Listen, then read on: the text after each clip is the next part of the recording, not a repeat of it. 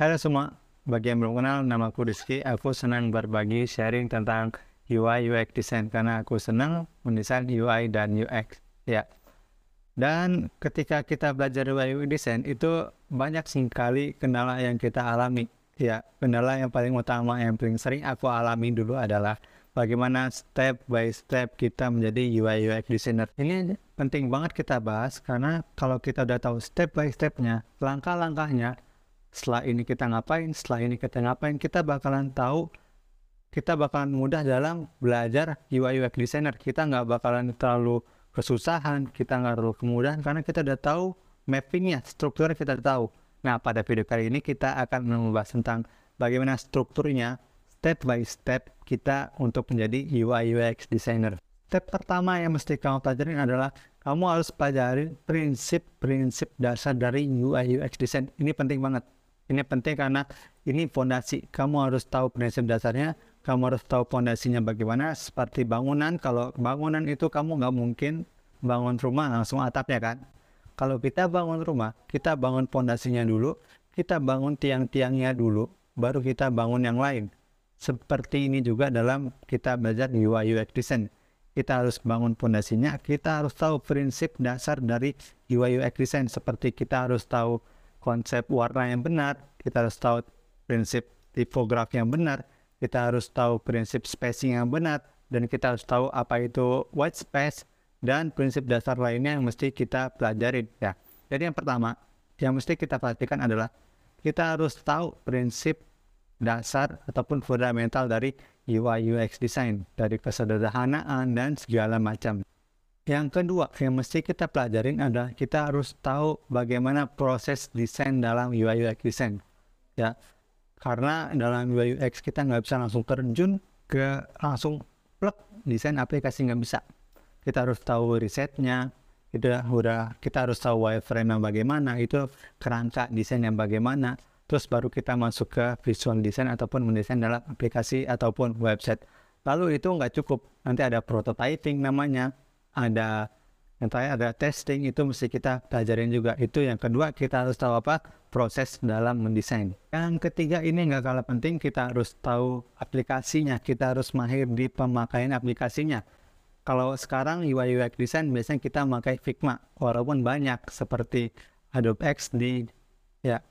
Dan ini untuk visual desainnya. Tapi kalau buat sebelumnya seperti wireframe kita bisa menggunakan whimsical ataupun Miro ya yang penting yang ketiga, tahapan yang ketiga kamu harus pelajarin skill menggunakan aplikasinya. Dan untuk yang tahapan ketiga ini, kamu harus terus memperbaharui dan meningkatkan keterampilan kamu dalam menggunakan aplikasi tersebut.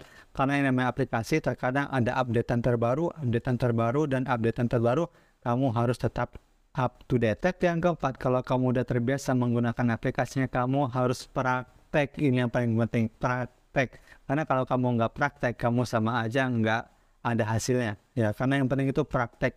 Nggak apa-apa pertama kali kita emang desainnya kurang, nggak apa-apa. Itu emang bagian dari proses, kita terbiasakan dengan praktek membuat kita perfect. Ya. Untuk praktek ini kamu mungkin bisa screenshot dari aplikasi ataupun website dan kamu buat plug itu nggak masalah. Ya, buat praktek aja buat meningkatkan skill. Yang kelima itu kamu harus membuat portfolio.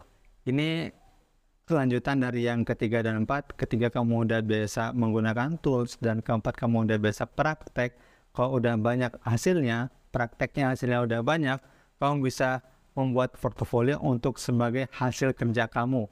Portofolio ini penting banget buat sebagai bukti kalau kamu itu bisa dalam mendesain sesuatu, bisa dalam meriset sesuatu, menggunakan aplikasi seperti Figma ataupun yang lainnya. Dan kamu bisa menggunakan aplikasi ataupun website Behance untuk membangun portfolio kamu.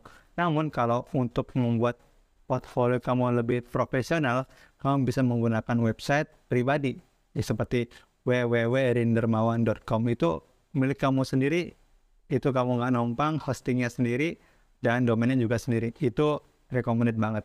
Yang selanjutnya yang keenam adalah kamu belajar dari mentor ataupun komunitas. Nah, UI UX ini banyak sekali komunitas ataupun mentor-mentornya kamu nggak mesti belajar sendiri otodidak karena dengan mentor kamu bisa mendapatkan feedback, kamu bisa mendapatkan masukan biar kamu nggak benar sendiri, nggak merasa bagus sendiri. Ya, kita harus belajar juga kepada ahlinya, kita bertanya kepada ahlinya. Ini bagus banget untuk meningkatkan skill kita, biar kita tahu, oh kesalahan kita ini di sini, kesalahan kita ini di sini, kita kurangnya di sini, itu kita perlu banget mentor, mencari masukan dari orang-orang yang sudah ahli dalam dalam bidangnya.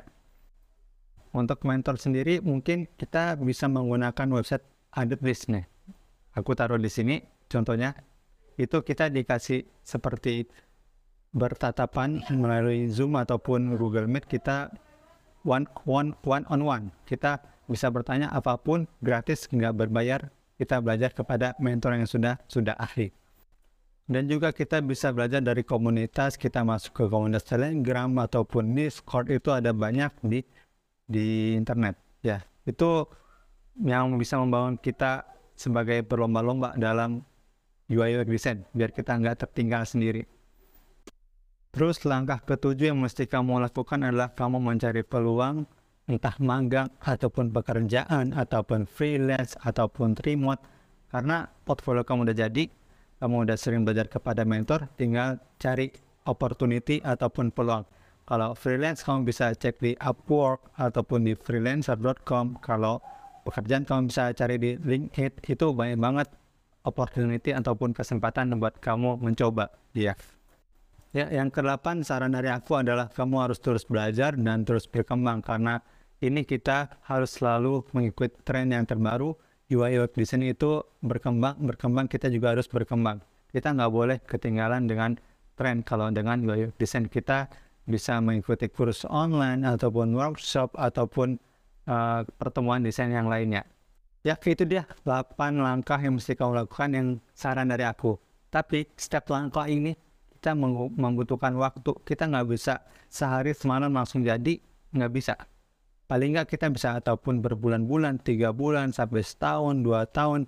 Yang penting kita berproses nggak apa-apa satu persen tiap hari nggak masalah. Yang penting kita berkembang. Ya intinya terus belajar dan terus berkembang. See you in the next video. Kita ketemu lagi di konten selanjutnya